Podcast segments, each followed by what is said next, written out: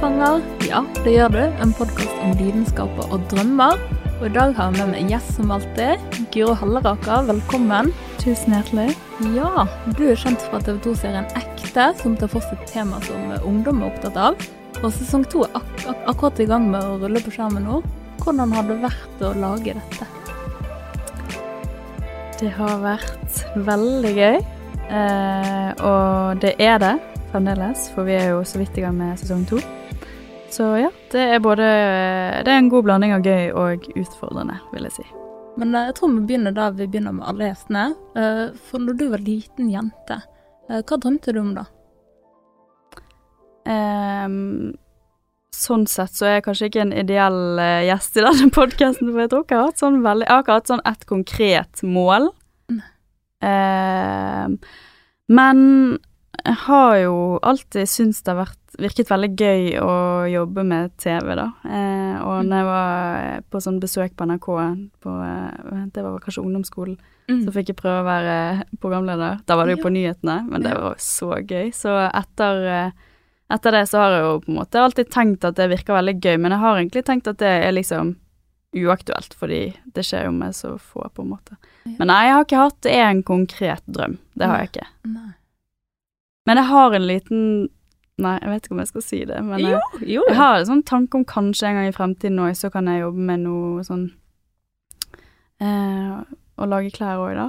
Ja, Kanskje det Ja. går an å kombinere med journalistikken? absolutt. Jeg har egentlig jeg har en del spørsmål om det Ja, mot, mot slutten av episoden. ja.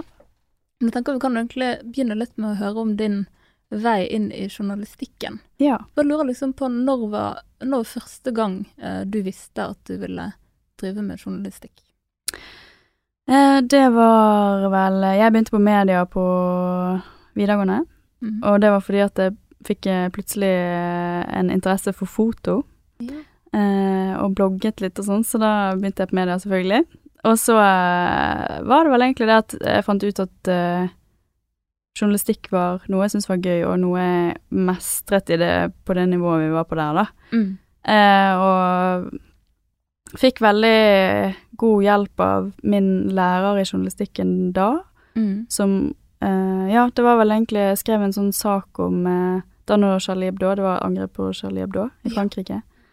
Så skrev jeg en sak om det, og ja, fikk liksom gode karakterer og veldig god støtte og liksom ble heiet fram videre på det, da. Så tenkte jeg hm, hvorfor har jeg ikke tenkt på dette før, egentlig? Det er jo så gøy å Ja. Passer meg bra som person, på en måte. Mm. Så det var egentlig der jeg begynte å få interesse for journalistikk. Ja. Så har jeg tenkt lenge at det har vært gøy å jobbe med dokumentarfilm, men jeg har liksom ikke helt visst hvilken inngang jeg skal gå via, på en måte. ja. Så var det journalistikken. Så var det journalistikken. Ja. Og eh, hvis man leser eh, avisoverskrifter eh, these days, så kan man jo se ja, Guro droppet ut av journalistikken, fikk drømmejobben i TV 2.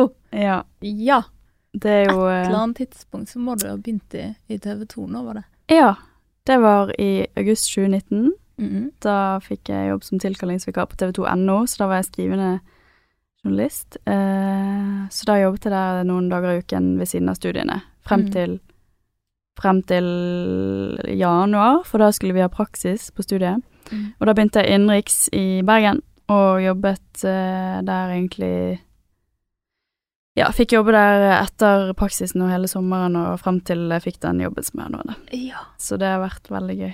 ja. Og hvilke jobb er du har nå? Beskriv det sjøl. Eh, ja, nå er jeg jo programleder eh, Var ja, journalist slash programleder. Og med ansvar for sånne sosiale medier og, og sånne ting på eh, TV2 Ekte, da. Som serien nå heter. Ja. Og det er en serie som liksom tar for seg temaer som unge folk er opptatt av Ja, nå for tiden. det er det vi prøver på. Ja. Hvordan lager dere den serien? Um, vi begynte med å reise rundt på videregående skoler og snakke med masse ungdommer. Mm. Og eh, dele ut sånne undersøkelser og sånne ting for å høre hva de er opptatt av, og hva de bryr seg om. Ja. Eh, og så Ja, hvordan lager vi den? Det er et godt spørsmål. Vi ja, finner liksom folk og filmer de. Ja. og ja, Ja. reiser litt rundt og dytter og ja. Jeg vet ikke. Ja, men dere har hatt en stor sånn, eh, hva skal vi kalle det, eh, innsiktsfase. Ja, vi hadde det. Research eh, Mm. på, i forkant da, for å finne ut hva Ja, unge er opptatt av. ja Så- før eh, vi begynte med sesong én. Ok, og så lagde man liksom, eh, holdt på å si, kjøreplanen og sånn etter det da? Ja, da valgte vi liksom ut noen eh, tema, og så bare begynte vi med research og, og så mm. filme og så. Vi, den første sesongen lagde vi jo fra start til siste episode var sendt, Mm. lagde vi på to måneder. Så det var ganske Jeg tror det er sånn rekordkort produksjonstid. Så vi har heldigvis litt bedre tid nå, da. Mm. Mm. Shit. Og det tror sikkert alle som hører på nå, lurer på.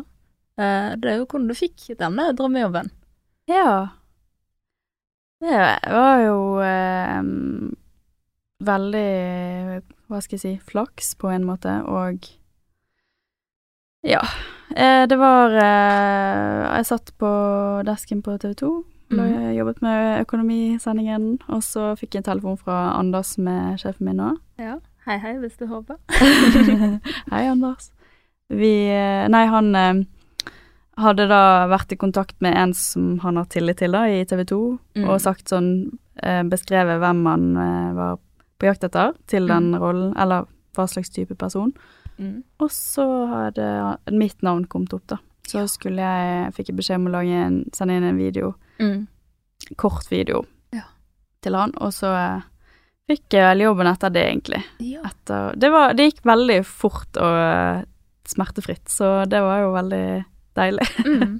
Når du får en sånn telefon, er det bare liksom glede, eller blir man også sånn nervøs at det, liksom, det, så- det er så gøy at det nesten er skummelt?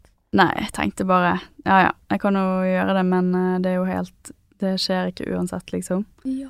For da hadde jeg nettopp vært praktikant, og så var det liksom snakk om programlederjobb og Nei, jeg tenkte det var veldig hyggelig å i det hele tatt bli vurdert. Ja. Så det var veldig sykt når han ringte og sa at han ville ha meg på alle episodene. Kan du huske det. hvor du var da? Ja, det husker jeg faktisk. Ja. Da gikk jeg i marken. Ja, Du gikk i marken? Ja.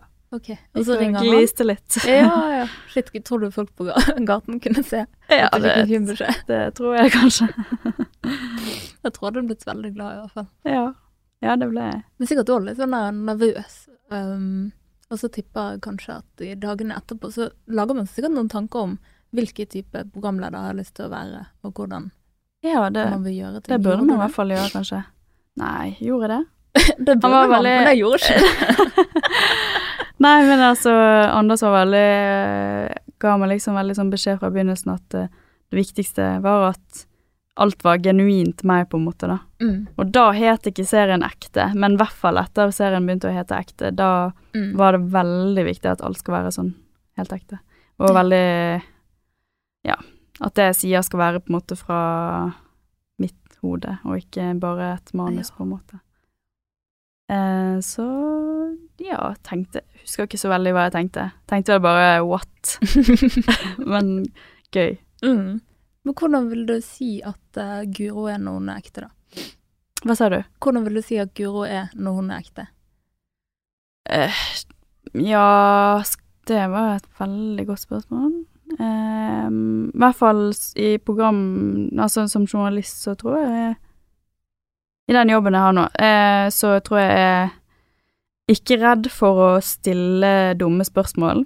Mm. Eh, så derfor bare spør jeg om alt jeg lurer på, og tenker det går jo an å klippe det ut hvis jeg dummer meg ut, liksom. Og så Eh, og så tenker jeg det er jo en ung målgruppe vi har, og da er det jo viktig at jeg stiller alle spørsmål jeg lurer på, for da er det jo helt sikkert noen andre som gjør det òg. Mm. Eh, og det er ikke viktig for meg å fremstå veldig kunnskapsrik når jeg er på opptak med, med andre, egentlig. Mm. Em, og så er jeg ikke så veldig Siden jeg har så lite erfaring, jeg har jo Mm. ikke vært i TV 2 så lenge, Nei. så em, er ikke jeg på en måte preget av noen sånne faste måter å gjøre ting på, eller rutiner, så Mm. Nei, jeg vet ikke helt hvordan det er når jeg er ekte. Kanskje litt klumsete, kanskje? Mm. Nei, jeg vet ikke. Hva tenker du? Um, jeg, Du har jo sett på serien min. så godt, men du føler at du er ganske um, nysgjerrig Ja. og åpen, ja. og veldig, du virker veldig fordomsfri, Det, og på en måte tolerant for andre mennesker, at vi alle er forskjellige og sånn. Og så føler jeg at du har veldig mye sånn genuine reaksjoner. Jeg kan se liksom når du blir sjokkert, og når du blir satt ut og sånn. Altså du, du Ja. legger jo ikke skjul på det. Nei. Det er alltid med sånn åpent blikk, og at du liksom Det er aldri sånn at du ser ned på noen, eller selv om de holder på med noe som du ikke ville gjort sjøl, da. Mm. Så der syns jeg du gjør en veldig god jobb. Takk. Det var eh, Mm. en bedre beskrivelse enn det jeg kunne komme med. Men, eh, Mm. Nei, men det er jo bra, for det er jo litt det jeg prøver også. Mm. Men jeg tror jeg er litt fordomsfri av natur, egentlig. Mm. Så det er ikke noe jeg må ta meg sammen på. Mm. Jo, litt, faktisk. Det må det. Det har skjedd. Kan du si Kan du si mer om det? Jeg vet ikke. Jeg kan jo si det, og så kan vi heller klippe det vekk hvis jeg angrer. Ja. Nei, vi holder på å lage en episode om e-sport nå, som kommer til uken. ja. Og der eh, har jeg hatt vanskeligheter for å se at gaming skal bli en idrett. Ja. Anerkjent som en idrett, fordi Ja. man sitter foran en skjerm. Og så når jeg ser på det selv, for jeg, det, jeg er så fremmed i det universet at eh, når jeg ser noen som gamer, så blir jeg bare litt svimmel og nesten litt kvalm av det, fordi det er så mye skyting og digitalt Mm. blod at jeg blir helt sånn huff. Og tenker Det er vanskelig for meg å skjønne hva de ser i det, men Mm. eh, men nå har jeg jo blitt mye mer åpen av å lage den episoden, og det var jo litt Mm. målet også. ja. Så nå kan jeg jo eh, Ja, jeg snakket med TV 2 sin e-sportekspert for Ja. dager siden, ja. og det hjalp veldig for meg også, for hun eh, ja, var flink til å snakke sin eh, sak, holdt på å si. Ja. Men har er sikkert mange med deg på den, fordi at eh, Jeg tenker jo liksom hva har dette med idrett å gjøre, eller hvor, Ja. hvorfor skal vi putte det i den boksen? Hvorfor Ja. kanskje det blir puttet i Altså det kunne like godt vært en uh, Jeg vet ikke hva annet man kunne kalt det for, altså idrettsgren. Det kunne like godt vært uh, Jeg vet ikke, noe annet betalt, Ja, men ikke idrett, ja liksom. det, det var det jeg tenkte, også, Mm. men så tenkte jeg òg at sjakk er en idrett, Mm. og de sitter like mye i ro og flytter på hånden sin, på en måte, selv om Ja, det er ikke er en skjerm, men Ja. Og eh, den som den mest betalte e-sportspilleren i fjor, Mm. det er Magnus Carlsen. Å, Det var det, Ja, fordi han har begynt å spille sjakk digitalt pga. korona. ja. Og da er det e-sport. Da så- det sport. Og det tenker jeg er et ganske godt argument for at eh, e-sport kan være en idrett, da. Faktisk. Der lærte du meg noe nytt. For det, Ja. det, der hadde jeg visst noen fordommer som ikke egentlig har tenkt over at det har. da. ja, det var det jeg ikke hadde heller, men eh, ja, nå er jeg i hvert fall litt mer åpen på det også. Gud, så merkelig. Mm. Eh, Sesong én har jo seks episoder, Ja. og jeg tenker når du fikk se den første, at du skulle se deg sjøl Mm. på TV Det var sikkert ikke første gang du så deg sjøl på TV, men det var første gang i den rollen, kanskje. Ja. ja. Hvordan var det? Husker du hva du tenkte? Mm. Ja, jeg tenkte det var sykt gøy, Mm. fordi den var veldig Syns den første episoden er litt sånn underholdende. Mm. Og da Men også tenkte jeg sånn Det var kanskje ett bilde jeg tenkte sånn Å, fy søren, der så jeg ikke ut, liksom. Men så tenkte jeg bare Du, det kan ikke jeg Jeg kan ikke pirke på det, fordi at nå kommer jeg til å bli filmet fra alle vinkler hele tiden, så jeg kan virkelig ikke tenke over hvordan jeg ser ut. Eh, hele tiden, selvfølgelig. Så Nei, det var jo på en måte litt uvant, men eh, det var mest bare skikkelig gøy, egentlig, Mm. å se at eh, det vi hadde Fordi før vi hadde sett noen av episodene, så klarte jeg ikke å se for meg litt hvordan de kom til å bli av å bare være på opptak. Eh, nå kan jeg litt se det for meg, Mm. men da Nei, det var veldig stas, faktisk. Mm. Det må være fantastisk. Mm. Nervepirrende og gøy. Ja. For man har sikkert glemt mye av det man gjorde Ja. i opptak. da. Og mye man har sagt. Ja. Er det noen gang du har sagt ting som du på en måte hadde glemt at du hadde sagt, eller angret på, eller Eh, ja, kanskje noen ting, for eksempel når vi var inne i den der eh, erotikkbutikken. Ja. Mye av det er klippet ut, men uh, mm. der hadde jeg noen kommentarer som jeg hadde glemt etterpå, da. Men jeg Ja. tror Jeg vet ikke om de ble med i siste Nei. versjon, men uh, Nei, jeg vet ikke. Kanskje hvis jeg blir sånn bitte litt satt ut, så prøver jeg liksom å kompensere litt med å prøve å være morsom. Jeg er ikke sånn veldig morsom av natur, men uh, at jeg prøver litt på det, da. Du har spøker. ja. Det har jeg hørt. Mm. ja, men da, det er ikke alltid like stor suksess, men eh, ja, Mm. prøver. Og du skal jo på en måte få disse folkene til å stole på deg på et eller annet vis, Ja. Uh, og få det til å åpne seg. Har, du, Mm. har liksom noe teknikk på å få til det, eller bare skjer det naturlig? Uh, ja, jeg har på en måte en tanke om hvem de er før jeg møter dem, for jeg har jo snakket med dem på telefonen. Mm. Eh, og da er det litt sånn hvis det er en person jeg vet er litt sjenert, eller eh, Ja. Så prøver jeg å være veldig sånn ekstra smilende og hyggelig, og virkelig prøve å få dem til å føle seg komfortable, da. Ja. Eh, så det er vel egentlig bare det. Det er ikke Mm. noe Og så prøver jeg å liksom spare de kritiske spørsmålene til vi er litt sånn at vi kjenner hverandre litt, sant. Ja. At ikke vi går rett på det. Ja, ja. Prøver å stille de, de kritiske spørsmålene på en vennlig måte, Mm. hvis det Et går an. Glimt i, øyet. Ja, At ikke de føler seg angrepet eller noe sånt. mm. Er det noen ganger at folk ikke har lyst til å åpne seg, selv om de har sagt ja? Nei, men uh, mange som har en tendens til å liksom, når de skal snakke om ting som er litt vanskelig for seg, at de eksempel sier mann istedenfor jeg. Ja. Ja, man, eh, man får bare lyst til å bla, bla, bla, sant. Og så ja. Man distanserer seg Ja, liksom fra Ja, man gjør det. mm. Eller nå sa jeg det selv. Ja, de, gjør- det er veldig mange som gjør det. Jeg tror jeg gjør det selv også, men Mm. det er ikke noe jeg har tenkt over før, da, men at de Ja, de distanserer seg litt fra det, da. Ja. Mm. Har du tenkt over det? Har du hatt noen At, gjester gjør som at man sier ja mann? Ja. Mm, jeg har merket det på meg sjøl. Ja. Når du snakker om ting som er vanskelig, så liksom Å få det dyttet lengst mulig bort fra deg sjøl, Du må fortsatt få sagt det du hadde på hjertet, Mm. på en måte, da. Um, nei, men jeg merker jo her at du, du må liksom uh, jobbe litt sånn i forkant før vi setter oss ned og liksom Mm. når nede og henter gjestene, at, eh, at de på en måte føler seg godt mottatt, da, ivaretatt på en eller annen måte. Ja. At de slapper av og mm. ja, det er viktig. Og det, det er mange måter å gjøre det på. Eh, Men så er det noen som Det er noen du tror liksom Nei, denne personen kommer ikke til å åpne seg, og så har du liksom ikke tatt med de spørsmålene engang. Mm. Og så merker man at jo, kanskje Mm. det. Ja. Og så, og så må du på en måte improvisere, Mm. og motsatt. Ja. Mm. Men jeg føler eh, De fleste trenger kanskje bare litt tid Ja. på å åpne seg opp om vanskelige ting. Og da tenker jeg litt på disse um, casene som dere har. eh, er det vanskelig å liksom få folk til å stå fram på disse temaene? og være sånn, For du blir på en måte en slags ambassadør for alle andre som, Ja. som på en måte Mm. holder på i samme sfære, da. ja. Det var vanskelig å finne noen som drev med porno, for eksempel. Ja. Eh, og Onlyfans og sånne. Mm. Det var faktisk ikke det, Eller faktisk, det var jo ikke så mange som ville det, og det skjønner jeg jo. mm.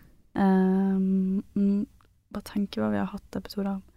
Men ellers Det går det samme videoene med sånn, sånn Snapchat-videoer med vold og rus og Å ja, ja. Det må jo kanskje det, men de blir Der litt hadde vi litt flaks, og ja, og så var jo Rano, som du kjenner, hun var med i Mm. episoden og hjalp oss med Hun har jo gjort research på den på Mm. det temaet veldig lenge, så hun eh, Hun visste om en som sannsynligvis hadde lyst til å stille opp, da. Ja. Som hadde på en måte begynt på et nytt spor i livet og ville snu, Ja. litt, snu litt om på det, da. Mm. Så det var jo veldig fint at vi fikk med han. Ja. Mye av det her er jo litt sånn solskinnshistorie òg, selv om det kanskje er tunge tema. Mm. Mm. Men prøver dere liksom å variere at det liksom ikke bare skal være en tung episode, så en tung episode etter det, at det liksom er Ja, det er morsomt balanse, du, liksom. det er morsomt at du spør, for vi byttet faktisk om denne uken på rekkefølge på to og tre. Ja. Fordi at eh, vi ville ha noe litt mer light til nummer to, for vi hadde jo om rasisme til nummer én. Mm. Ja. Ehm, så tenkte vi da passer det med e-sport nå. Så blir det Mm. litt sånn ja, litt bedre balanse i, epis- i miksen, da. Mm. Eh, så da måtte vi hive oss rundt og få den ferdig litt fortere enn eh, vi skulle. ja. Men eh, det er faktisk noe vi prøver å tenke litt på når det går, da. Mm. Og apropos den eh, episoden om rasisme, Mm. den var jo ganske heavy. Ja. Og jeg så liksom at du, du ble litt preget sjøl. Jeg så du hadde liksom medfølelse for han. ja. Uh, men er det vanskelig å legge da dette fra seg når episoden er ferdig? Går du hjem og sover dårlig om natten, liksom? Um, det empatiske svaret ville vært uh, ja, men nei, egentlig ikke. Mm. Det går fint, men uh, jeg syns det er vanskelig når jeg tenker på, på hva de må gå gjennom og sånne ting, og også når vi lagde Mustafa-episoden. Mm. Så var det liksom Da var jeg nesten på gråten jeg skulle gå derfra, for det var sånn her, shit, tenk, stakkar fyr, liksom. Mm. Men uh, jeg tror jeg er litt god til å bare Ja, komme Mm. over det, på en måte. Ja. Og det må man jo kanskje hvis man jobber med nyheter til vanlig. Ja. Syns du har gjort litt Ja. ja. lære å legge ting fra seg, da. ja, det hadde jeg nok lært omsider hvis ikke jeg hadde Mm. allerede hatt Absolutt. Uh, men nå har du vært mye på TV, holdt jeg på å si, og mm. hatt mye skjermtid med serien. Ja. Men uh, så har du også vært litt på TV i andre settinger. Mm. Du har vært gjest på Nyhetskanalen og God morgen Norge. I hvert fall den siste, var det kjekt? Ja, Mm. det var veldig På God morgen òg, tenkte du? Ja. Ja, det var eh, Det var veldig hyggelig. Eh, Vår er jo superflink og veldig sånn oppriktig nysgjerrig. Mm. Eh, og hun hadde liksom sett det og eh, Ja. Mm. Ja, det var veldig sånn eh, Det føltes vel ut som hun faktisk lurte på de tingene hun spurte om, og, og det er jo hyggelig, selvfølgelig. Det Mm. kan man kanskje forvente av en journalist, men eh, jeg vet ikke. Mm. Nei, det var veldig hyggelig, og jeg var jo veldig stresset for det, da. Ja. På forhånd. Ja, for tenker du er veldig trygg i programlederrollen din. ja, men det er noe helt annet. Ja, men så tenker jeg liksom Når du da òg er journalist og vant til å være på andre siden Ja. Det i den situasjonen, og nå skal du ta liksom gjesterollen, Ja. intervjuobjektet. ja, det er veldig Hvordan er det? Blir du nervøs? Ja, det gjør jeg. Ja. Eh, jeg blir faktisk det. Veldig.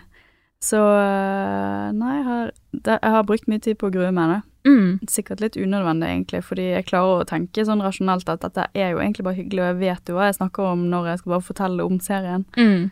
Men det er bare noe der man sitter der og skal være liksom gjesten, Mm.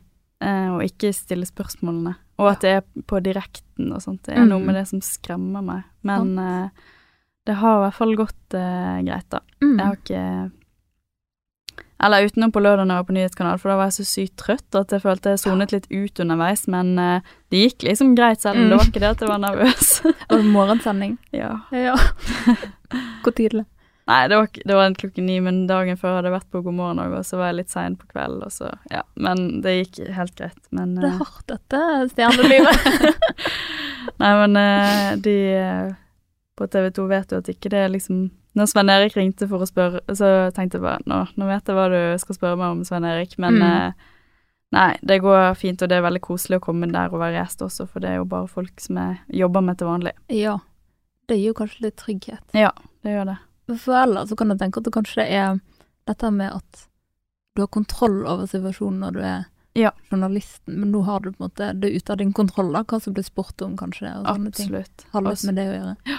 Det har det også når jeg er på opptak til vanlig, så er det jo bare meg og en fotograf, og de fotografene jeg jobber med, jeg jo, kjenner jo så godt, sant. Ja. Stoler jo så mye på de, og og så er det, ja, det er jeg som har, meg og han som har kontroll, da, Mm. som du sier, og det er ikke, og alt kan klippes i, sant, så alt kan jo på en måte, vi kan ta pause og gjøre ting på nytt igjen og sånn, hvis det er noe som ikke funker. Mm. Eh, så ja, jeg tror det er det, at det er direkte, og at det er jeg som skal, så, ja, at jeg ikke har noe kontroll selv, da. Ja. Shit, altså. Jeg vet ikke hvordan jeg sjøl liksom hadde taklet Jeg har nå aldri vært gjest på Nyhetskanalen, liksom. Nei, Men jeg tror du burde jo det, på ja. podcasten. ja. Men jeg tror ikke Det skal jeg foreslå inn til helgen. Nei takk. Jeg tror ikke det liksom hadde vært helt uh, min greie, altså. Nei, liker best å stille spørsmål, egentlig. ja, Mm. same. Jeg føler ikke at jeg har så mye å melde, på en måte. Nei, det er litt det jeg føler også. Mm. Ja, men du har noen en serie du kan snakke om. Ja, ja, men du har jo en podcast du kunne snakket om det. så Ja, det er sant. Ja. Godt poeng. du er jo programleder på en måte du òg. Mm. Det er sant, det. Ja. Mm. Hm. Det får vi tenke litt på. Ja.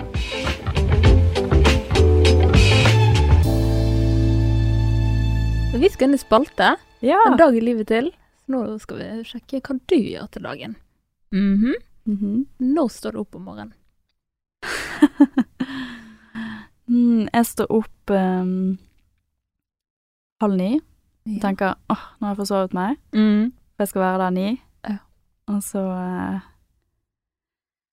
uh, I helgene så står jeg opp tolv, tolv, eller oh, Det kommer an på. Ja. Ja. Det kommer litt an på hvordan eh, uken har vært, da. Mm. Hadde en litt heftig Eller full uke forrige uke, med Mm. sykt mye program og mye tidlig opp og sånn. Da faktisk lå jeg helt til to på søndag. Da var jeg faktisk helt kaputt. Ja. Ja. Men eh, nei, jeg er veldig B-menneske, og jeg trenger sykt mye søvn. Mm. Og det holder vi på å lage en episode om til eh, TV2 Ekte. Neimen, om søvn. Ja, Ja. og da skal jeg bruke meg selv litt mer enn jeg pleier. Mm.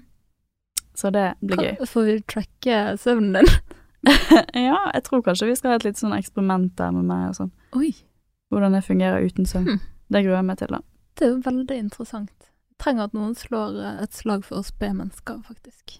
Ja, men det som er interessant Verden er lagt skal, opp for A, liksom. Ja, den er Mm. faktisk det. Og det er det som er interessant, fordi eh, forskning viser at ungdom Mm. er biologisk innstilt til å være B-mennesker. Oh. Så selv om man legger seg tidlig, så er ikke hjernen klar for å sovne klokken ti og stå opp tidlig.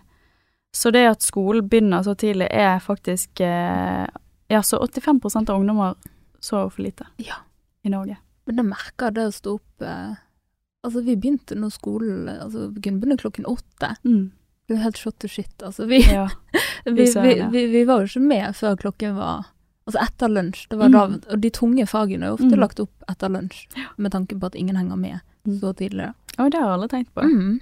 Ja, sånn, vi hadde jo ikke matte en mandag klokken åtte, på en måte. Nei. Mm. For eh, jeg, tror, jeg tror de vet. Men det er noen- de som legger opp læreplanen og sånn. Ja, men det er noen skoler som begynner sånn halv ti på mandager, Ja, fordi at man må hente seg litt inn etter helgen. Ja. Så det er veldig hyggelig da, at man kan absolutt. At de tilpasser det litt til ungdommen. ja. Det jo i hvert fall det når jeg gikk på videregående. ja, jeg tror vi uh, fikk ikke gleden av den. Nei. av det tiltaket, men Nei. eh, hm. det var ikke dumt. Nei. Yes. Hva sier du til deg sjøl i speilet om morgenen? Åh. Nei, ikke så mye. Tenker bare 'der er du igjen', liksom. Samme som i går. ja. Nei, jeg prøver å Eh, Nei, om morgenen så tenker jeg egentlig ingenting. Da tenker jeg bare 'uff, enda en morgen'. Ja. Jeg er veldig glad for å leve hver dag, men jeg er ikke en morgenperson. Nei. Da vil jeg bare ja, leve en time og få i meg kaffe, så kan jeg heller snakke Mm. til meg selv i speilet. Kos. Men jeg er ganske god til å snakke meg selv opp hvis jeg føler meg Eller hvis jeg har en dårlig dag, sånn. Ja, bra. Hva gjør Ja. du da, eller hva? Jeg tenker bare ta deg sammen, skjerp deg. Du kommer deg opp på fjellet hvis du vil, og kroppen fungerer helt fint, så ikke tenk stygge tanker om kroppen, liksom. Ja. I hvert fall ikke hvis ikke jeg gjør noe med det selv, for da har jo ikke jeg fortjent noe annet, sant. Mm. Tenker jeg bare nei, jeg ser, ser bra ut, jeg. Det er- ja, Eller helt, det helt innafor, i hvert fall. Ja, det gjør du. Så det holder. Eh, hvem er det første du ringer til? Om morgenen? Jeg ringer ingen om morgenen. Eller sånn. Den første, da kan det være fem, det. sånn sett. Å ja, sånn, ja. Mm. Mm. Ja, Nora, min søster. Ja. Eller Marte, min bestevenninne. Ja. Ja. Kos. Mm. Eh, Eller sjefen min hvis det er på jobb, da. Ja. Anders. Koselig. Hei, Anders. Hei, Anders. Hvilket ord eh, bruker du mest i løpet av dagen?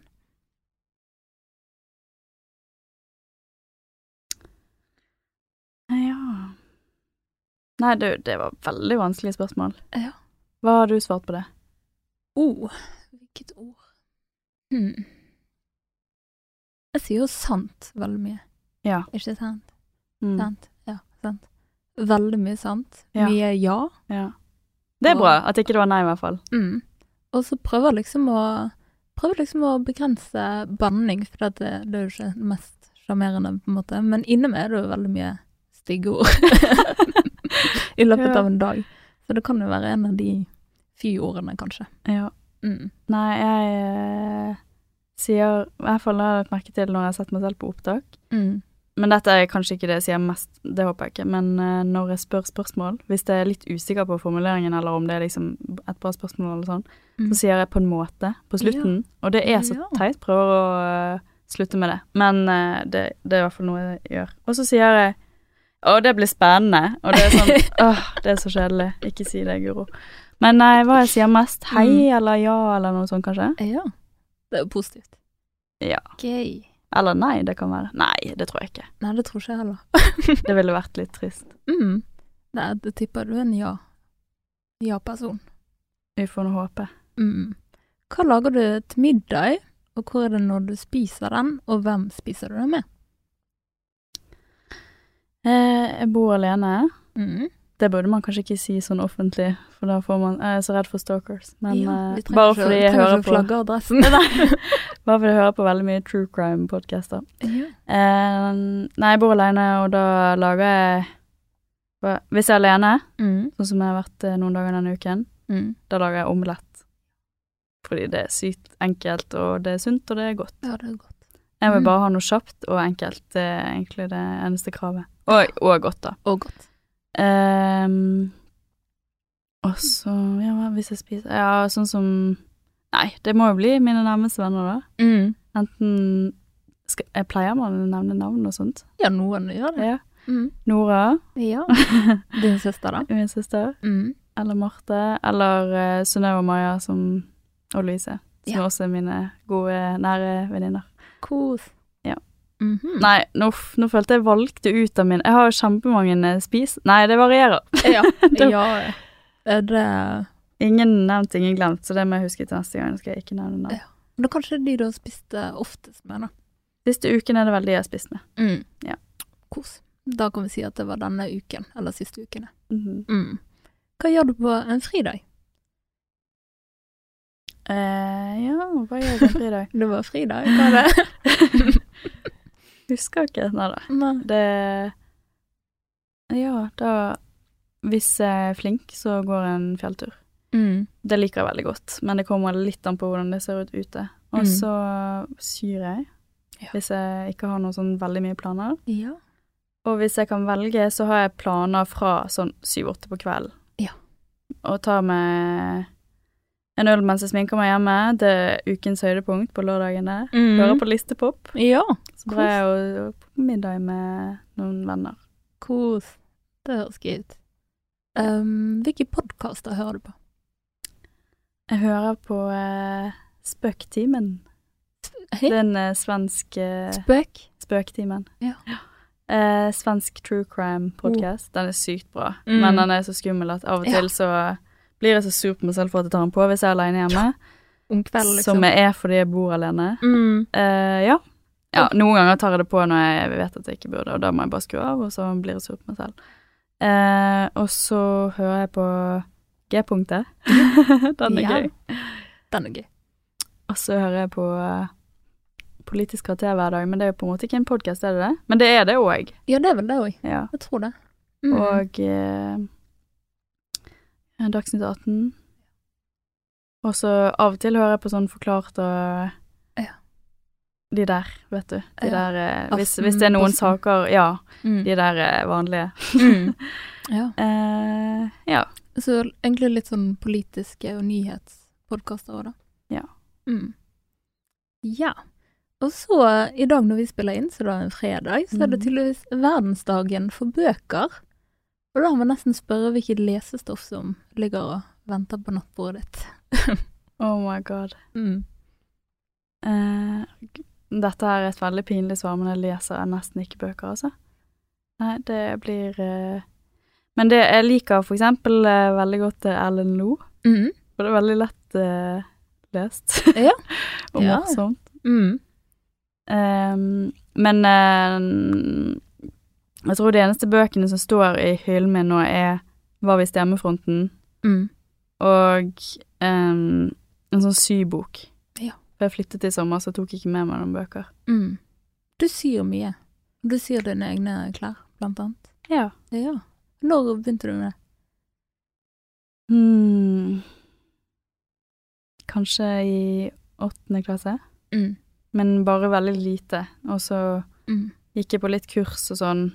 Eller det var mer sånn at vi, det var mange som samlet seg for å sy sammen, og så hadde vi en ekspert der som kunne hjelpe oss litt, hvis vi trengte det. Ja. Eh, ja, og så har jeg sydd litt sånn av og på Mm. i de årene, men kanskje sånn siste Siste to årene så føler jeg at jeg har blitt mye flinkere, for da har jeg prøvd å um, ta det litt mer på alvor, ikke bare lage ting som går dritkjapt å lage, men prøve Mm. å lage ting som jeg faktisk kan ha lyst til å bruke.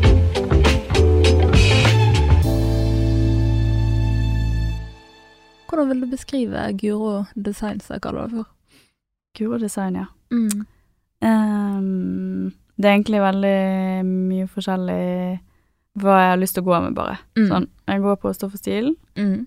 og så ser jeg et stoff, og så tenker jeg åh, det hadde vært fint som en bukse, og så prøver jeg å lage det. Ja. Og så, hvis jeg prøver å lage en bukse, så blir det, ender det ofte opp med at jeg ikke går med det, for jeg er ikke så god til å lage bukser ennå. Ja. Eh, nei, men det er bare Det er egentlig bare ut ifra hvilken stil jeg har, og det er jo i stadig forandring, men eh, Mm. jeg vil si ganske fargerikt. Mm. Eh, Ja. og liker å prøve litt sånn nye teknikker. Og, prøve, og det er litt som med mat, at helst noe som ikke er altfor vanskelig å lage, Mm. men som likevel ser bra ut. Ja. Ja. Skjønner. Mm. Og du eh, Men du har jo klær som skiller seg ganske mye ut i en mengde, da, vil jeg si. Og det Lager Ja. du klær for andre òg, for eksempel? Uh, nei, jeg får ikke sydd så mye at uh, når jeg først får sy, så har jeg liksom noe jeg har lyst til å lage til meg selv. Men Mm. Eller vent litt, jeg lagde en kjole til en av bestevenninnene mine på Ja. til bursdagen. ja. Gøy. Eh, så jeg har Ja, og jeg sydde faktisk julegaver til hele familien i 2019. Oi. Det er Ja. bærekraft bærekraftig, det. Ja, det var det vi mm. prøvde på den julen. Mm. Men eh, nei, jeg syr stort sett for meg selv. Mm. Det er lettest da fordi at jeg prøver det på kroppen min hele tiden. Ja. Jeg er ikke så god til sånn her eh, Jeg er ikke en skredder, liksom. Nei. Det, da hadde det vært lettere å sy til andre. Mm. Du syr liksom etter egne mål. Ja. Men du nevnte liksom innledningsvis at du kanskje hadde en drøm om å drive med holdt på å si, sying og sånn Ja, i større skala sånn i framtiden, da. Men det føltes litt feil å si det når vi skal snakke om serien og sånn, for det er jo virkelig den beste jobben jeg kunne hatt. Men eh, nei, men jeg har bare tenkt at kanskje en gang i Mm. langt inn i fremtiden så kunne jeg prøvd på det òg, sant. Mm. Og Ja, for det er jo noe som jeg syns er veldig gøy, og veldig sånn deilig å bare sitte og sy og lage noe, og så hvis jeg får det til, så Ja. er det en god følelse. Så gøy. Og det lar seg jo kombinere med andre ting. Jeg var med i to sesonger av Symesterskapet, Ja. og jeg tenker at det er jo noe man kunne både vært programleder for, sant, og fått dyrke denne Wow. syinteressen. Ikke at jeg var med å sydde, men jeg hadde på meg klærne, da, som dessverre Sykt kult. Mm. Det er Det- sant. Det går an å kombinere, ja. Men da må du over til konkurrenten. Ja, det er sant. Mm. Aldri. Du får pitche det inn til TV 2, at de Ja. kan ha noe lignende. Ja, det, det må jeg gjøre. Mm. Vi må tilbake igjen til å snakke litt om serien igjen. Ja. Det, det er så mye spørsmål. Men eh, jeg tenkte på den uh, episoden med hun eh, Jeg kaller henne for Onlyfans-damen. Kristine. Hva er egentlig greie med Onlyfans, sånn sett? Men um, jeg la merke til der at hun holder på med noe som de fleste på en måte ville hatt et snev av fordom mot. Ja. Og det kan hende at du òg hadde det. Men det kom på en måte ikke fram. Det virket veldig mm, rett og slett eh, nysgjerrig, bare. Ja. Um, og lurer på uh, om det, altså disse reaksjonene du har på ting som du blir vist eller får høre i serien, sånn, Mm. er det på en måte, er det ekte, genuine reaksjoner du, du viser? Eh, ja, Mm, det vil jeg si. mm, Fordi at jeg glemmer at det blir filmet, eller jeg glemmer at dette skal på TV, mm, som jeg kanskje Jeg vet ikke om det er en bra eller dårlig ting, men jeg glemmer det fort, og da glemmer jeg også hvordan jeg burde reagere, på en måte. mm, Men eh, nei, det er Ja, det er genuint, det er det. Mm. mm. Så jeg prøver jo Jeg vet ikke, det kan jo være at jeg har jo også på meg liksom programlederhatten, da, så um, Hvis jeg har en dag hvor jeg føler meg litt sånn trøtt eller uengasjert, så må jeg jo på en måte skru litt på, sant. Mm. Men eh, det er jo ekte selv om. Men man må jo være litt mer engasjert og sånn, sant. Jeg Ja. jo, men det er jo meg selv bare at jeg må ta meg litt sammen av og til. Mm. Ja, ja. Det Det, skjønner jeg, da. Ja. Kanskje bli vist ting og så bare ja, flott. Ok. det, det forstår jeg. Ja. Mm. Men jeg tenker, nå har jo du laget eh, to sesonger, eller du er vel i gang med nummer to? Ja. Er det fortsatt under produksjon? ja, ja, ja. Mm. Det er det. Ja. Vi skal filme 16 episoder. Ja. Vi holder jo egentlig på med nummer tre og fire. fire ja. så vi har masse igjen. Skal jobbe helt frem til september med det. Shit, så gøy. Mm. Og da tenker jeg, og hvis vi tar med den eh, innsiktsfasen på forhånd før dere gikk i gang med selve episodene, Mm. så må jo du ha møtt så mange ungdommer nå, og så mye folk som på en måte kan snakke om ting unge er opptatt av. Så jeg tenker Mm. du har blitt en slags ungdomsekspert. Hva har du liksom lært om ungdommer på den tiden du har på nå? Eh, ja, det Ungdomsaspektet var morsomt. Eh, ja, jeg har lært at eh, Eller jeg har egentlig innsett hvor utrolig mye tid de tilbringer på mobilen og skjerm Ja. og sosiale medier. Så eh, det, det er jo Det var vel tror det var Mustafa, eller en av vennene hans, Mm. som sa til meg at de hadde hatt en sånn undersøkelse på skolen sin Mm. eh, hvor, hvor de skulle regne ut gjennomsnittet av skjermtiden Mm. hos alle elevene. Ja. Og det tror jeg var syv timer. Og det var gjennomsnittet. Det er mye. Ja, og det betyr at mange er oppe i liksom 11-12 timer hver dag, og noen er nede i sånn 3-4, og det er jo Jeg ligger på 3,5 timer, Mm. og jeg tenker det er sykt mye, fordi det er faktisk et helt døgn i uken. Mm. Det er veldig mye. Det er mye. Men i forhold til de, så er det lite, da. Så der fikk jeg litt sånn åpenbaring. Mm. Eh, og det har jo ringvirkninger, da, eh, på press i alle kanter. Mm. Økt press. Altså, det har jo alltid vært press, men nå er det nok mye, mye mer. Mm. Så det er jo den negative siden ved det. Mm. Eh, og så er det jo en positiv side med det. Mm. Så det jeg har lært, er jo hvor åpen de er eh, om eh, psykisk og seksuell helse. Mm.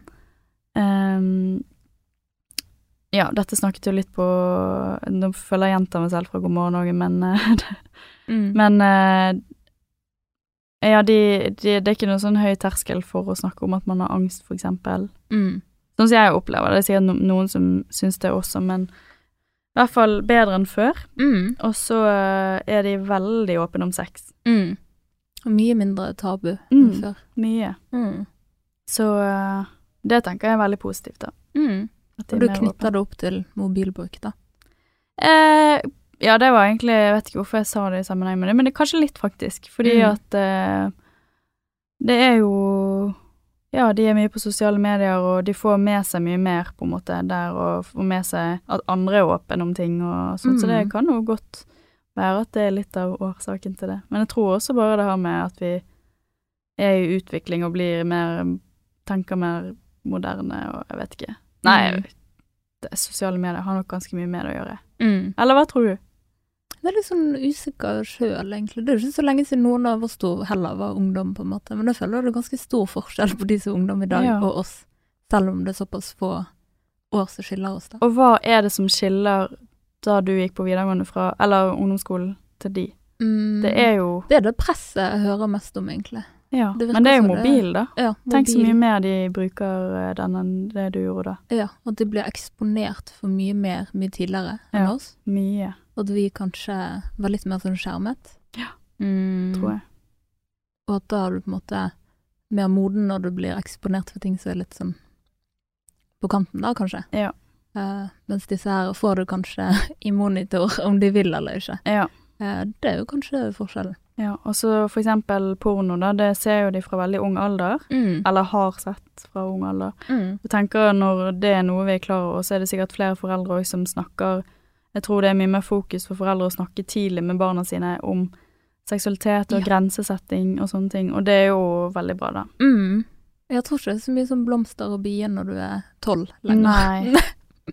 Jeg dummet meg veldig ut når vi var på den der, eh, en sånn friidrettstrening Ja. med barn Ja. eh, til innspillingen av første episode. Det var en eh, jente som var kanskje rundt syv år som spurte meg hva vi hadde laget episoder om før, og da kom jeg bare på porno, så sa jeg porno, porno, og hun bare sånn Hva er porno? Hva er porno? Så begynte hun å hoppe opp i fjeset på meg. Bare, hva? Du må fortelle hva det er. Jeg bare nei. Så jeg bare forventet å få en sånn skikkelig sinna melding fra foreldrene jeg kom hjem, men jeg har heldigvis ikke fått noe ennå. Da tror jeg fotografen ble litt stresset eh, på mine vegne. Men det var jo tydelig at hun kanskje visste noe Nei, hun Kanskje hun hadde hørt ordet før, eller Jeg vet ikke. noe. Men hun begynte å spørre Har det med puberteten å gjøre? Ja. Jeg tenkte hun er syv, hun vet hva porno er, men nei, det er kanskje litt mye å forvente. Nei, ja. Men man vet jo liksom aldri. Men det er i hvert fall um, Mitt inntrykk er at ting har endret seg veldig mye veldig fort, da. Mm. Og egentlig bare det at man har Snapchat og Det er liksom helt nye spilleregler, på en måte. Og at de kan alltid vite hvor vennene sine er. Mm. Det må være kjipt. Og tenker også sånn med å uh, for, for mange er litt så usikker i den perioden å liksom føle seg utenfor. At du liksom kan sitte og se at ja, der var alle jentene i klassen samlet uh, Mm. på den og den jentekvelden, men jeg var ikke invitert, for Mm. eksempel. Mm. Det er utrolig trist. Veldig. Mm. Jeg tror hvis du da er en som av en eller annen grunn liksom ikke liksom er med på Mm. denne sosiale medier-greien, Mm. så føler det sikkert enda mer utenfor enn vi ville gjort, at vi så ikke nødvendigvis hva de andre gjorde når de ikke var med oss. Ja, absolutt. Vi hadde Mm. ikke, hadde ikke SnapMap og Story og alt det der, Mm. så ja. Det virker ja, Eller jeg er glad jeg slapp det på den tiden, da. Ja. Og jeg husker nå, for ikke så lenge siden, så skulle jeg faktisk å løpe sushi, og det lå rett ved en skole, så da var det ganske unge barn som sto utenfor på liksom plassen Mm. utenfor den su- sushisjappen. Og så eh, startet en krangel da, mellom noen gutter og jenter. Og liksom, det var ikke noe sånn å slenge hverandre full av drit eller noe sånt, men det var å si eh, 'du har ikke noen likes på Instagram'. Hæ? De brukte det Sa som de det? Ja, de sa det. Skrek til hverandre liksom. 'du har ingen følgere, du har ingen' Jeg husker jeg liksom kjente hjertet mitt liksom bare sank ned i magen. Det var liksom Står det én stakkar på en måte og bare ser ned i bakken og 'ja, jeg har vel ikke det', liksom. Hva, hva skal man si da? Det er jo bare helt Da kjente jeg liksom Gud, hvilken verden er det vi har, har gående nå? Ja, er vi der? Det var det jeg tenkte òg. Jeg har jo fortalt det til folk når eh, temaet dukker opp, og alle reagerer liksom du gjør Mm. nå, da. Det er Mm. utrolig Ja. Jeg kjenner det blir så trist å snakke om Ja. det nå. Det er utrolig vondt at det er sånn det skal være, på en måte. Men det tenker også, der tenker jeg også foreldre har litt ansvar å snakke med barna sine om at ikke det er en måte man skal måles på, på en måte. Ja.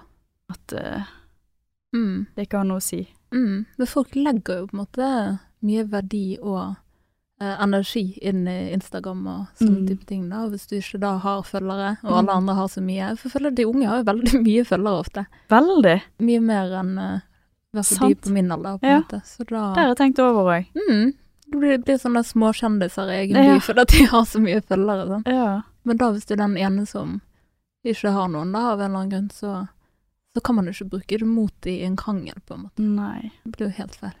Men jeg anbefaler å se en eh, dokumentar jeg så på HBO, Mm. som heter Fake Famous, tror jeg. Ja. Hvor de skulle bygge opp eh, en influenser. Mm. Det var liksom dokumentaren gikk ut på det, da. Mm. Eh, og da ser du liksom at det å få likes og følgere Ok, det gir deg noen gratis ting, og det kan jo være digg, men det gir jo ikke noe du, Det er ikke noe kjærlighet i det. Du sitter bare og oppdaterer og oppdaterer for å se hvilke likes du får, og Det er jo bare Mm. tall. Mm. Det er bare en dings du har i mobilen. Det Ja. Nei. Men det er jo på en måte vist at det knyttes opp mot det belønningssenteret i hjernen, da. Ja. Når du liksom oppdaterer og ser den der eh, Mm. røde prikken at noen nye har vært inne og likt. Da. Ja. Nei, det er utrolig rart Mm. at vi har kommet hit. Ja. Nå har Instagram egentlig endret på hele strukturen sin. Ja. Nå er det ikke like lett å få verken følger eller likes, og du kommer liksom ikke opp i Nei, hva skjedde med at de tok vekk at lenger. eh, det kom opp sånn kronologisk, da? mm. Jeg vil jo se alle følger i kronologisk rekkefølge. Ja, ja, men det, det er det slutt på. For det har jo liksom lagt opp for at annonsørene, egentlig, det er jo de som har fått fordelene nå, da. Å, er det derfor? Mm. Ah. Ja. Alltid pengene. Ja. Men skulle ikke de ta vekk likes òg, da? Jo, det var det òg snakk om. Det stemmer jeg for. Det hadde egentlig vært ganske, ganske deilig. Ja. Mm. Ja, tenk hvis. Mm. Men, men det tror jeg egentlig ikke kommer til å skje. Nei. Faktisk. Jeg tror de på en måte Jeg tror de tjener for mye på å ha det sånn som det er nå. Ja. Mm. Det tror jeg. Ja. Jeg lurer på liksom hvordan sånn typisk arbeidsdag Nei, arbeidsdag, sier jeg. Jeg mente egentlig arbeidsuke. Arbeidsuke, ja. Ut for din del eh, nå. Eh, det er ikke en typisk arbeidsuke, føler jeg. Mm. Um, forrige uke var jeg i Oslo på opptak med Konspirasjonspodden. De glemte Ja. å si i sted, de hører jeg også på. Ja. Og uh, YouTuber Sara Høydahl en annen dag i Drammen. Mhm. Og så jeg hjemme en dag, og da skrev jeg nettsak. Eh, og så var jeg tilbake i Oslo Det er ikke så, pleier ikke å være så mye reising, men det var mye i forrige uke, da. Eh, for å dra på God morgen Norge. Så var jeg på Mm. Nyhetskanalen dagen etter. Og denne uken har jeg vært i Bergen hele uken, og litt opptak sånn her og der, men bare litt sånn at vi filmer litt intro og avslutning med meg. Så Mm. da er det veldig Da er det bare meg, egentlig. Ja. Møtt en ekspert, og, og så planlegger jeg opptak for uh, nye episoder. Og uh, ja. Var også en dag på TV 2. Det var hyggelig å møte Mm. folket der. Det er folk igjen. Nei, det er liksom ikke noe som er veldig typisk, egentlig. Mm. Eh, Variert. Ja, veldig variert. Mm. Veldig mye ulike arbeidsoppgaver. Ja. Og så lage litt Instagram-innhold. ja. Er det du som styrer TV 2 Ekte sin Instagram? Ja, det er Ja. det. Den er litt neglisjert av og til, men ja, prøver å holde den i live, da. Mm. Eh, hvil- Hvilke personlige egenskaper eh, hos deg sjøl tror du har gjort at du har på en måte lykkes med det du ønsket nå? Mm. Du har gode spørsmål, eh, Susann. Mm. Jeg er så nysgjerrig, vet du. ja At Altså, det er jo nysgjerrighet, sånn som du har. Mm. Det er jo en bra ting når man skal jobbe med dette. Mm. Og eh, litt eh, Ja, ikke redd for å eh, si noe feil eller dumme seg. Mm. Nå tenker jeg til den jobben jeg har nå, programlederjobben. Mm. Eh, og ja, utadvendt, da. Det er jo Man kan også være innadvendt og likevel være flink journalist, men kanskje som programleder kan det være kanskje en fordel å være litt utadvendt. Ja. Tror du ikke? Jo, det tror jeg. Um, Absolutt. Du skal på en måte, du skal jo komme gjennom skjermen, Ja. og det er jo enklere hvis du er litt utadvendt. Og så Ja, nå sier du at jeg fremstår fordomsfri, så det er jo bra. Mm. Og det tenker jeg er sikkert litt riktig, og det er jo en god ting i hvert fall. Mm. Veldig. Mm. Spesielt gjelder i en sånn type serie som dette. Mm. Mm. Apropos programledere, har du liksom blitt inspirert av noen eller sett opp til noen programledere tidligere? Eh, ja. Men ikke sånn Jeg har ikke ett forbilde. Men eh, ja, vi snakket jo så vidt om de steder. Mm. For eksempel Sturla på nyhetene er jo superflink. Mm.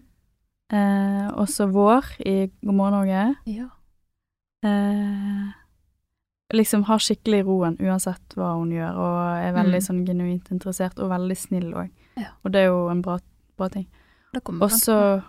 Og så jeg vet ikke om man kan kalle han programleder, jo han er jo det, men Fredrik Solvang selvfølgelig. Ja, han er programleder. Men han er liksom eh, debattleder, men han er jo programleder. Ja, han er jo på en måte programleder for debatten, pluss plus, liksom debattleder, moderator. Ja. Mm. Og så eh, Sigrid Solund, Mm. syns jeg er veldig flink. Eh, ja, det var det jeg kom på nå, da. Mm. Ja, det er jo så mange å ta av, men de, akkurat de du nevnte, er veldig dyktige, da. Mm. Mm. Um, lurer på hva, liksom, til, hva tilbakemeldingene har vært på dette prosjektet. Det var jo på en måte pilotprosjektet pilotprosjekt for Ballistin. Ja. så jeg lurer på hva folk har sagt. Det har vært egentlig nesten uten, utelukkende positive tilbakemeldinger, Mm. så det har vært kjempehyggelig. Det har jo vært aller mest fra folk jeg kjenner, da, Mm. som må jeg kanskje si positive ting. Men uh, har jo fått uh, litt meldinger fra Eller en del meldinger egentlig fra fremmede. Ja. Uh, det var eh, Jeg har fått fra foreldre som har ja. som har skrevet at det traff veldig, og at det, har på en måte hjulpet de også litt da, med å bli opplyst om hva deres barn Mm. opptatt av, og at de de syns det var en konstruktiv serie, sånn sett. Mm. Og så har jeg fått fra noen ungdommer, da, som eh, Ja, som er veldig glad i serien, og eh, som har Ja, som har liksom sagt spurt litt om hva Om meg, da. Du har vært Mm. litt nysgjerrig på meg, og det er jo veldig koselig også. Helt ærlig, har du fans? Nei, jeg vet ikke, det tror jeg ikke, men eh, Jeg har fått Ja, no, jeg, jeg har en håndfull, kanskje. Ja, koselig. Av eh, Ja, nei. Jeg har fått meldinger fra kanskje sånn fem jenter i den alderen som Altså noen på, på gaten. Ja. En gang. Én gang. Gøy. Ja. Det er kjekt, da. Ja. Men jeg tenker med sånn type jobb, og liksom når man stikker seg litt fram, så er det veldig lett å oppleve ikke bare støtte, men òg misunnelse. På en Ja. annen måte. Har du merket noe til det? Eh, nei, ikke i det hele tatt, faktisk. Så bra. Ja. Men jeg tenker jo kanskje at hvis jeg hadde vært eh, en annen og sett at noen andre hadde fått denne jobben, så hadde jeg tenkt sånn shit, det er jo en sykt eh, eh, bra mulighet, som Mm. jeg gjerne skulle hatt selv, men også unnet den andre det, da. Ja. Så det er jo sikkert noen som tenker det, da, at sånn Mm. de skulle gjerne også Ja, klart. vært programleder eller prøvd det, men eh, jeg har ikke opplevd noe, eller jeg har ikke merket det i hvert fall. Kanskje, kanskje jeg er litt naiv, men eh, nei, virkelig ikke. Så bra. Mm, Det bare bra, støtte. Ja. Veldig bra. Og så lurer jeg på hva kan vi glede oss til i sesongene framover? Jeg liker at du sier sesongen er Ja. Eller sa det, sant? Ja. Ja. ja. Jeg fikk jo Det, en på at det det, blir kanskje var 48 sesonger. Nei, det er to. Så så du Du så det gikk øynene rundt. Nei, det Da gikk blir faktisk øynene mine rundt. ja. Og der, der måtte jeg Hæ? Liksom. Kontrakt eller dør. Ja. Nei, vi eh, skal lage 16 episoder denne sesongen, her. så det er jo veldig mange. Vi er Mm. veldig fornøyd med det. Mm. Ti episoder frem mot sommeren som skal være om litt ymse. For eksempel eh, når jeg prøver å huske konspirasjonsteorier, Ja. søvn, Ja. hvordan det er å gjennomgå en eh, kjønnsbekreftende operasjon, ja. eh, om eh, ytringsfrihet eh, og eh, Ja Vi har liksom noen som er litt usikre på om kommer eller ikke. Mm. Men i hvert fall veldig mye forskjellig. Gøy. Og så fra i august-september så kommer det seks episoder som skal handle om valget. Kult. Så ja, Sett fra unges eh, perspektiv. Ja. ja. først, førstegangsvelgeren. Kult. Ja, Det er gøy, da. ja. Den har Mm. ikke vi begynt så veldig å planlegge ennå, så Nei. hvis noen har noen ideer, send meg en DM. Men jeg har skjønt at det er litt sånn valgsatsing mot unge, dette valget.